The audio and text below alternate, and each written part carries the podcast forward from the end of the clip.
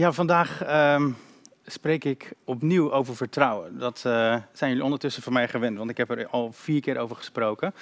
En iedere keer had ik het op mijn hart. Ik had niet van tevoren het idee van ik ga een serie maken of zo, maar dat komt iedere keer terug. Ik heb wel het idee dat de Heer ons eh, daar een beetje extra bij aan het bepalen is. De eerste keer is alweer een jaar geleden. Toen ging het over eh, het idee dat we mogen groeien in vertrouwen op God. We hoeven niet te denken dat we alles in één keer kunnen. We mogen daarin groeien. De tweede keer ging dat over dat we niet bezorgd hoeven te zijn. Dat God in al die gebieden in ons leven waar we ons zorgen maken, dat hij daarin wil komen. En dat we een leven mogen leven zonder bezorgdheid. Bijzonder hè? De derde keer dat ik erover sprak, uh, ging het over het vertrouwen op Jezus als hij je roept, als hij jou in bloei wil zetten. We stonden toen stil bij uh, Petrus, die uh, van Jezus op het water mag komen lopen. Hij zegt kom. Het is natuurlijk een enorm moment van vertrouwen om dat water op te gaan lopen. En de vierde keer dat ik erover sprak, ging het over het vertrouwen op God in de langdurige crisis, zoals we nu in een uh, coronapandemie zitten. En als je deze vier preken of overdenkingen een beetje samenvat, dan komen ze eigenlijk allemaal op hetzelfde neer. En dat gaat erover, durven wij Gods woord uh, te vertrouwen boven ons eigen inzicht? Um, een bekende tekst die steeds terugkomt is, uh, uh, vertrouw op de Heer met je hele hart en niet op je eigen inzicht, uit Spreuken 3. Dus het is Gods woord, het zijn zijn beloften en de dingen die God tegen je, die God tegen je zegt. Als je de Bijbel leest of als je aan het bidden bent, durf je daarop te vertrouwen. Vandaag dus uh, de vijfde keer over vertrouwen. En uh, dit keer wordt het ietsje anders. Het wordt ietsje spannender dan de vorige, vorige keren. Um, want ja, misschien mag die tekst wel in beeld van 2 Korinther 13, vers 5. 2 Korinther 13 schrijft Paulus over uh, het feit dat hij veel kracht ervaart van God in zijn bediening. Um, maar dat hij daar ook bij zegt, die kracht die krijg ik uh, omdat ik vertrouw op God. En dan zegt hij die direct achteraan, 2 Korinther 13 vers 5. Onderzoek bij uzelf of u vast op God vertrouwt. Stel uzelf op de proef. Onderzoek bij uzelf of u vast op God vertrouwt. Stel uzelf op de proef. En dat is dan ook uh, de titel van deze overdenking. Onderzoeken of we op God vertrouwen.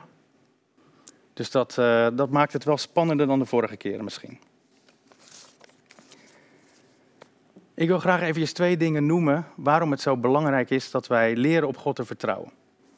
Want uh, ik denk dat heel veel mensen christen zijn, zoals ik zelf heel lang christen ben geweest, met het idee van, nou ja, goed, als je christen bent, dan mag je niet stelen en dan moet je niet liegen en dan, uh, dan bid je voor je eten en gaat zondag ook naar de kerk. En als dan de wereld straks een keer voorbij is, dan uh, gaan we naar de hemel en zo. Nou, prachtig. Het hoort er ook allemaal bij, is allemaal goed. Maar um, als je kijkt naar wat God met de mensen in uh, de Bijbel doet, de hele Bijbel heen, vanaf Genesis tot en met het laatste boek, dan gaat het voortdurend over dat God juist met de mens wil wandelen. En juist wil dat ze niet alleen op zijn, hun eigen inzicht vertrouwen, maar uh, ook op zijn inzicht.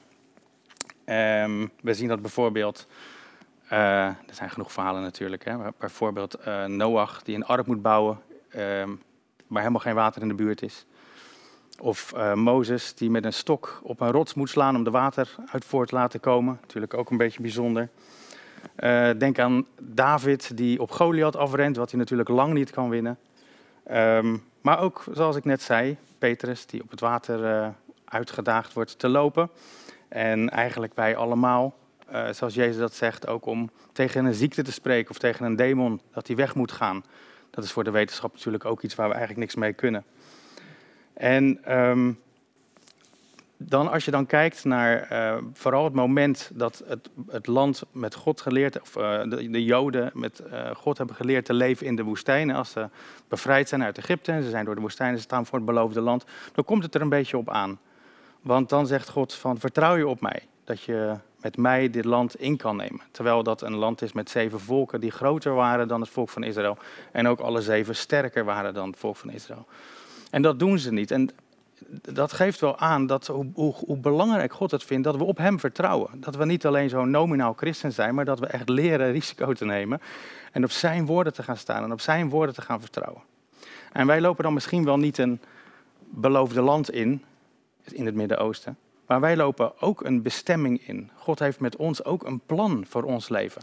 En daar hoort bij dat wij op Hem vertrouwen, op Zijn woorden vertrouwen. Want op onze eigen kracht zal het nooit lukken. Dus daar worden we in uitgedaagd. Dus dat is het eerste punt uh, waar ik mee aan wil geven hoe belangrijk het is. Als God die bestemming die, die, die, die voor ons heeft, als hij ons daarin wil brengen, dan moeten wij leren te vertrouwen op zijn woorden. Een ander punt wat ik graag nog wil noemen is ook denkend aan het moment dat, uh, dat, dat de discipelen op het water zijn en dat ze midden in de nacht aan het roeien zijn, niet verder komen. Het stormt, uh, er is heel veel wind en ze komen niet verder en ze worden bang. Uh, redden we het wel? gaan we hier misschien voor ongeluk? En dan zien ze Jezus. Jezus komt over het water naar hen toe. En dan staat Jezus daar, vlakbij de boot, op het water. En dan is het natuurlijk bijzonder dat Jezus zegt, zo'n storm, ik sta daarboven. En dat hij tegen Petrus zegt, kom er maar op staan. Maar er zit eigenlijk een diepere laag onder dat verhaal. En dat is eigenlijk dat Jezus zegt dat al die dingen waar wij bang van zijn, al die dingen die ons misschien wel de kop kunnen kosten, dat God zegt, ik wil dat jij je voeten daarop zet. Ik wil met jou heersen. Maar de voorwaarde daarvan is dat je op mij leert vertrouwen. God wil al die dingen waar wij bang voor zijn, die ons misschien de kop kunnen kosten, hij wil leren om daarover te heersen met zijn kracht. Dus dat zijn twee dingen die ik graag wilde noemen uh, als het gaat over waarom het zo belangrijk is om op God te vertrouwen. Goed, uh, onderzoek of op God vertrouwen, waar beginnen we dan? Nou, je kunt natuurlijk denken aan die momenten waarbij, uh, daar hebben we al in een andere overdenking dus bij stilgestaan, waar je uh, misschien je zorgen maakt over bepaalde dingen. Dat zijn allemaal dingen in het leven waar je over na kunt denken, want de Heer heeft gezegd dat we de zorgen bij Hem mogen brengen en ons geen zorgen hoeven te maken. Maar Jezus zegt in Lucas 16 iets bijzonders. In Lucas 16 spreekt Jezus over de omgang met geld en hij geeft daar een, uh, een um, gelijkenis. Op het moment dat ik het zeg, denk ik, denk, denken jullie, oh, het gaat toch niet over geld zeker? Ja, dat is wel waar het over gaat. Um, en dan is dat voor heel veel sprekers is dat toch een beetje het minst leuke onderwerp over te spreken. Maar ik kan je vertellen, voor mij is het eigenlijk uh, tegenovergestelde. Want ik denk dat het ontzettend leuk kan zijn. Nou, er gaat straks meer daarover. In ieder geval, uh, in Lucas 16 spreekt Jezus uh, over, over omgaan met geld. En dan zegt hij dit. Wie betrouwbaar is in het kleinste, die is ook betrouwbaar als het om grote dingen gaat. Als je betrouwbaar bent in de kleine dingen, dan ben je ook betrouwbaar als het om grote dingen gaat. En het lijkt wel of Jezus hier zegt dat de omgang met geld, oftewel de manier waarop wij rentmeester zijn van de dingen die God ons geeft, van het geld dat God ons geeft, dat het eigenlijk het kleinste of bij de kleinere dingen behoort van het koninkrijk. En God wil ons juist voorbij dat station helpen. Hij wil juist dat wij veel meer van Hem kunnen dragen, van veel meer van Hem kunnen krijgen. Hij noemt het hier het kleinste. Nou, uh, hoe is het dan uh, bedoeld? Hoe gaan wij dan met geld om? Wat staat er in de Bijbel? Nou, er staan heel veel regels in het Oude Testament over hoe we met geld omgaan. Um, en daar moet ik één ding van zeggen, want als het om geld gaat, maar als het heel veel, over heel veel punten in de Bijbel of heel veel geboden in de Bijbel, dan moeten we heel erg voorzichtig zijn dat we die niet gaan zien als iets wat nu moet. We zijn juist vrij van die wet. Dus ook als we kijken van hoe heeft God het bedoeld, uh, in het Oude Testament, hoe we met geld om moeten gaan, moeten we eerst beseffen dat we in deze tijd, in de tijd van het Nieuwe Testament, niet leven met, met een wet, met regels die moeten. God houdt maximaal van ons. En uh, het feit of we iets goed doen of niet goed doen in zijn koninkrijk heeft daar geen invloed op. Um, in Galaten 4 uh, maakt Paulus een mooie vergelijking als het gaat over hoe moet je nou met die wet omgaan. Dus op zich is dat een onderwerp, daar kunnen we heel lang over praten. Maar ik wil het toch even kort noemen. In Galaten 4 zegt Paulus dat uh, je uh, het omgaan met de wet in het Oude Testament kunt zien als zoals kleine kinderen omgaan met de wetten of wat ze moeten doen van hun ouders. Dus uh, toen je een jaar of tien of acht was en je moest van je ouders je tanden poetsen, dan wilde je dat niet en je verzette je daartegen. En dan was er een moment dat je je mond open moest doen en dan was het duidelijk dat er nog allemaal drop in zat. Dus dat uh, moest dan over en je, je verzette je daartegen. Ik heb toevallig een artikeltje gelezen van de week van iemand die had een nieuw soort tandpasta uitgevonden. Een soort tabletje dat helemaal ging schuimen. En dan willen al die kinderen willen nu wel weer wel tanden poetsen. Maar um, toen je ouder werd, toen hoefden je ouders dat natuurlijk niet meer te zeggen. Toen vond je het alleen maar fijn dat je tanden niet stuk gingen en dat ze fris waren. Dus uh, iets wat moest toen je jong was, wat je vervelend vond, waar je je tegen verzette, dat vond je juist heel fijn toen je ouder was. En zo maakt Paulus ook de vergelijking tussen de wet in het Oude Testament, waarbij alle dingen, allerlei dingen moesten, naar het leven het Nieuwe Testament, waarbij al die dingen die God zegt eigenlijk gewoon iets heel moois zijn. en een kader geven waarbinnen al het leven te vinden is. Dus het is heel belangrijk als we daar zo tegen kijken. En zeker als het gaat over geld. Nou, dan ga ik nu uh, zo'n vervelende tekst vragen in beeld te zetten van Leviticus 27, vers 32. Daar staat iets waar we wat van kunnen leren over hoe God van ons vraagt met ons geld om te gaan. Daar staat, van, ja, staat een beeld van uh, runderen, geiten en schapen moet elk tiende dier dat bij de telling de herderstaf passeert als heilige gave voor de Heer apart gehouden worden. Heel simpel. God maakt het heel eenvoudig. Hij zegt: uh, neem je staf, laat al je schapen eronder komen, onder doorlopen. Alle schapen die je dat jaren erbij hebt gekregen. En elk tiende dat gaat naar de tempel. En goed om daarbij uh, ook te zeggen dat uh, het gaat, dat tiende schaap ging naar de tempel. Dat ging niet um, naar de armen. Um, dat ging niet naar allerlei andere goede projecten, zou ik maar zeggen. Maar God zei echt, mijn tempel, die tiende, 10% gaat naar de tempel. En als je alles bij elkaar optelt, wat er in het Oude Testament staat, over wat God eigenlijk van de Joden in die tijd vroegen, vroeg, dan was het niet alleen 10%, maar als je alles bij elkaar optelt, was het ongeveer 33%. Dus dat is niet mis. Um, het wordt straks leuker hoor, dus maak je geen zorgen. Um, Waarom heeft God die 10% ingesteld? Ik denk, wilde graag twee dingetjes noemen. In de eerste plaats denk ik dat God de Joden en ons natuurlijk ook zo ontzettend veel gegeven heeft. Hè?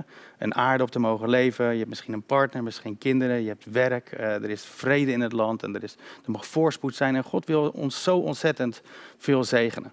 En dan is het eigenlijk heel mooi dat, uh, dat er een, een, regel is waarin uh, we leren om op een gepaste manier dankbaarheid te tonen. En ik denk dat 10% heel passend is. 10% komt dus eigenlijk ook niet van de wet van Mozes. Dat, eh, Abraham deed dat ook al. En als je kijkt naar Kain en Abel, die, die offerden ook alsof er toch iets in de mens zit van dankbaarheid. U geeft ons zoveel, we geven graag iets aan u terug. En ik denk dat die 10% daarbij dus een, hele, een heel passend percentage is. Een andere reden waarom ik denk dat God 10% aan de Joden vroeg in die tijd, is omdat 10% ook een beetje schuurt. Kijk, als God 2% had gevraagd, dan zou iedereen zeggen, oh, prima, geen enkel probleem. Als God 60 of 70% had gevraagd, dan zou het voor iedereen veel te moeilijk zijn. Maar met 10% uh, eh, gaat het net een beetje schuren. Dan kom je net een beetje op dat punt dat je denkt van, ik kom misschien net niet helemaal uit met al mijn gaven. Het wordt net een beetje ongemakkelijk. En daar is denk ik het mooie punt van deze vraag van God aan de Joden om 10% te geven. Namelijk, God is niet bezig of uit op geld. Hij heeft natuurlijk geld zat. Hij is erop uit dat je hem vertrouwt. En dat je hart in vrede en rust is. En dat je ervaart dat hij jouw voorziener is. Dat alle voorzienigheid in je leven van hem komt. En dat je op het moment dat je daar vrede over ervaart in je hart om 10% te geven, dan, dan leef je daarin in vrijheid. Als je daar onrustig over bent, dan kan het wel eens zijn dat je toch eigenlijk denkt van die voorzienigheid van God, daar ben ik niet zo zeker van. Ik moet het vasthouden, want je weet maar nooit. En God wil juist dat wij leren om dat punt voorbij te komen. Er staat in 1 Johannes 4 dat de liefde van God alle angst uitdrijft. En dit is ook typisch zo'n punt waarbij dat is. God verlangt ernaar dat wij financieel vrij leven. Dat is waar het allemaal om gaat. God heeft het geld echt niet nodig. Dus dat is nogal uh, een mooie uitdaging. Daarom past hij denk ik mooi in deze overdenking. Um, het gaat God om jouw hart. Het ging God om het hart van de Joden en nu vandaag gaat het om uh, jouw hart. Want nu hebben we over de Joden gesproken en het Oude Testament, maar hoe maken we die vertaling nu naar vandaag? Um, nogmaals, uh, die 10% is voor toen was dat natuurlijk best, uh, best wel heel veel. En het is als wij ons daaraan willen houden, als wij zeggen van nou die, die wetten uit het Oude Testament, zoals ik net zei, die zijn allemaal om leven te geven. Het is niet wat moet, maar het is allemaal wat leven te geven. Dus die zijn er in die zin ook voor ons. Um, willen wij dan ons daaraan gaan houden? Is dat dan ook de echte bedoeling? Nou, voordat we, voordat we daar nog eventjes verder over nadenken, um, misschien kunnen we Malachi 3 vers 8 in beeld zetten. Die moet ik erbij lezen, want die heb ik niet op mijn dingetje gezet. En dat lees ik graag. Dat is trouwens een vers die, als het gaat over het geven, heel veel terugkomt. Eigenlijk in elke preek of overdenking wordt dit wel genoemd. Dus misschien uh, kennen jullie hem wel. Ik zal hem even voorlezen. Hij staat ook in beeld. Vinden jullie dat een mens God mag bestelen? Toch besteden jullie mij. En zeggen dan, hoe bestelen we u? Door de tiende en de heffingen achter te houden. Jullie zijn vervloekt en nogmaals vervloekt en toch blijft uh, het hele volk mij bestelen. Stel me maar eens op de proef, zegt de Heer van de hemelse machten. Breng alle tienden naar de voorraadkamer, zodat er voedsel in mijn tempel is. En zie dan of ik niet de sluizen van de hemel voor jullie open. En zegen in overvloed op jullie land laat neerdalen.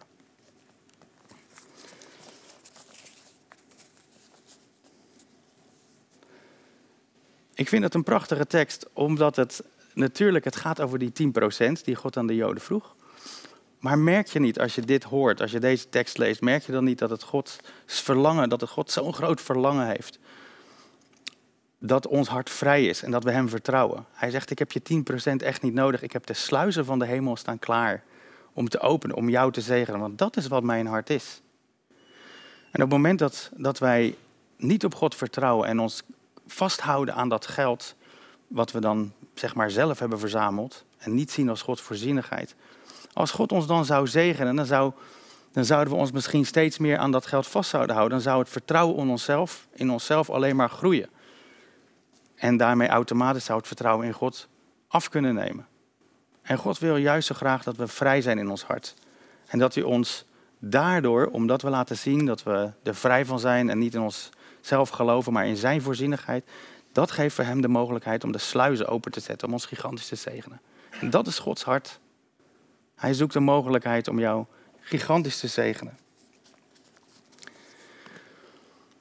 Heb ik recht van spreken om hierover te spreken zo? Um, ja, nou, ik heb een tijdje geleden wel op mijn hart gekregen dat God tegen mij zei: uh, Ik wil dat je 10% van je inkomen aan mij geeft. Um, aan de kerk. Dus niet aan een goed doel, maar aan de kerk. Dus dat ben ik gaan doen. En um, ik moet zeggen dat ik eigenlijk direct daar al uh, behoorlijk vrede over ervaarde. Omdat ik dacht van, wat is het eigenlijk mooi. Hè? Stel je voor dat we straks allemaal in het bejaardentehuis zitten en we kijken terug van wat hebben we allemaal gedaan. Dan ben ik toch blij dat ik in ieder geval iets heb kunnen bijdragen aan het koninkrijk. Ik ben niet misschien een groot evangelist geweest of misschien een grote bediening of wat dan ook. Maar in ieder geval heb ik financieel een stukje kunnen bijdragen aan het project van God, aan het werk van God hier op aarde, zijn kerk, zijn gemeente. Dus dat maakte mij al blij. Even later um, was ik aan het bidden. En toen had ik het idee dat God tegen mij zei: Ik wil dat je. Dat er ook nog. Er zijn nog twee sprekers waar je graag naar luistert. Ik wil dat je hen ook zegent. Ik wil dat je hen um, ook een maandelijkse gift uh, schenkt. En toen dacht ik, oh ja, nou, ik zat er een beetje over na te denken. Op een gegeven moment dacht ik, nou, ik heb niet zo heel veel geld, dus ik, maar ik kan misschien dit bedrag kan ik wel geven. En toen heb ik dat in gebed aan God voorgelegd. En toen uh, had ik niet het idee dat God zei, dat is een mooi bedrag. Ik was een beetje krenterig, denk ik. Um, dus ik heb dat bedrag verhoogd. Ik heb gezegd, nou Heere God, dan, dan doe ik dit bedrag. En dat was bij elkaar, is geen geheim of zo. Dus 300 euro mocht ik uh, overmaken. Dus uh, allebei 150 euro. Dus, maar dat was voor mij best wel een beetje spannend. Want ik dacht, uh, ik breng mezelf daar niet per se mee in moeilijkheden. Maar ik ben ZZP. Ik denk dat ik wel ergens links en rechts even wat meer moet gaan werken om alles rond te kunnen krijgen. Om die 300 euro op te kunnen vangen. En uh, vier weken later belt mijn baas mij op en die zegt: uh, Lucas, die facturen die jij naar mij stuurt, kloppen die wel? Ik zeg: Ja, volgens mij wel. Hij zegt: Nou, volgens mij schrijf jij niet al je uren. Ik zeg: Nou, Volgens mij wel hoor. Hij zegt, nou als je een telefoontje doet, of als je een e-mail stuurt, of als je artikelen leest. Ik zeg, nee, die schrijf ik allemaal niet op. Dat gaat zo een beetje tussendoor. Maar hij zegt, ja, dat zijn ook uren dat je voor mij werkt. Ik zeg, ja, dat is waar. Dus hij zegt, nou weet je wat, doe er elke maand op je factuur maar zoveel uur bij. En dat heb ik gedaan en dat is omgerekend net ietsje meer dan 300 euro. En toen dacht ik, dat is zo grappig. En hij zei er nog iets bij. Hij zei, je factuur van vorige maand was zo laag doe, uh, stuur maar een extra factuur voor die extra uren uh, van de vorige maand ook. En toen zat ik het bij elkaar op te tellen en toen dacht ik, dit is absurd hè. God vraagt iets van mij, hij daagt mij uit op financieel gebied, wat een beetje spannend is. En vervolgens heeft het me nooit 1 euro gekost. Dit heeft mij geld opgeleverd. En daarom vind ik het zo gaaf ook om zo'n tekst te lezen als van wat er in Malachi staat. Dat God zegt van, vertrouw nou op mij. Geef nou dat wat, wat ik je gevraagd heb, dan kan ik de sluis openzetten. En ik denk dat we er zo in mogen staan. Ik ga afsluiten. Ehm, moeten wij 10%, heb ik gezegd vandaag dat wij 10% moeten geven? Ik weet niet of we er zo in moeten staan. We zijn vrij. Je mag zelf bepalen wat bij jou past. Weet je, misschien zeg je, joh, ik geef al lang uh, hartstikke veel en dus het die, deze overdenking is niet voor mij. Misschien zeg je, joh, dit is misschien wel voor mij, maar dit past niet nu. Ik zit nu zo een andere tijd. Dan zou ik zeggen, doe het niet en vergeet het. Uh, misschien zeg je 10%, dat past mij echt niet. En ik zou, dan zou ik zeggen, bid erover. Uh, ga met God in gesprek wat, wat voor jou op dit moment goed is om te doen. Um, er staat in 2 Korinthe 3 dat de Heilige Geest ons naar het beeld van Christus vormt. En er staat bij uh, meer en meer. Hij, de Heilige Geest is elke dag bezig om, ons te vormen. Als dit niet voor jou is op dat moment, dan is het misschien voor later. Dus ontspan daarover. Maar tegelijkertijd wil ik ook uh, zeggen dat God uh, ernaar verlangt dat je vrij bent in je hart. En dat hij je heel veel kan geven. En zo wil ik afsluiten met wat er staat in uh, Johannes 10, waar Jezus het zelf zegt. Eigenlijk zegt hij wat in Malachi staat, zegt Jezus op een andere manier in Johannes 10. Jezus zegt, ik ben gekomen om je leven te geven in overvloed. Amen.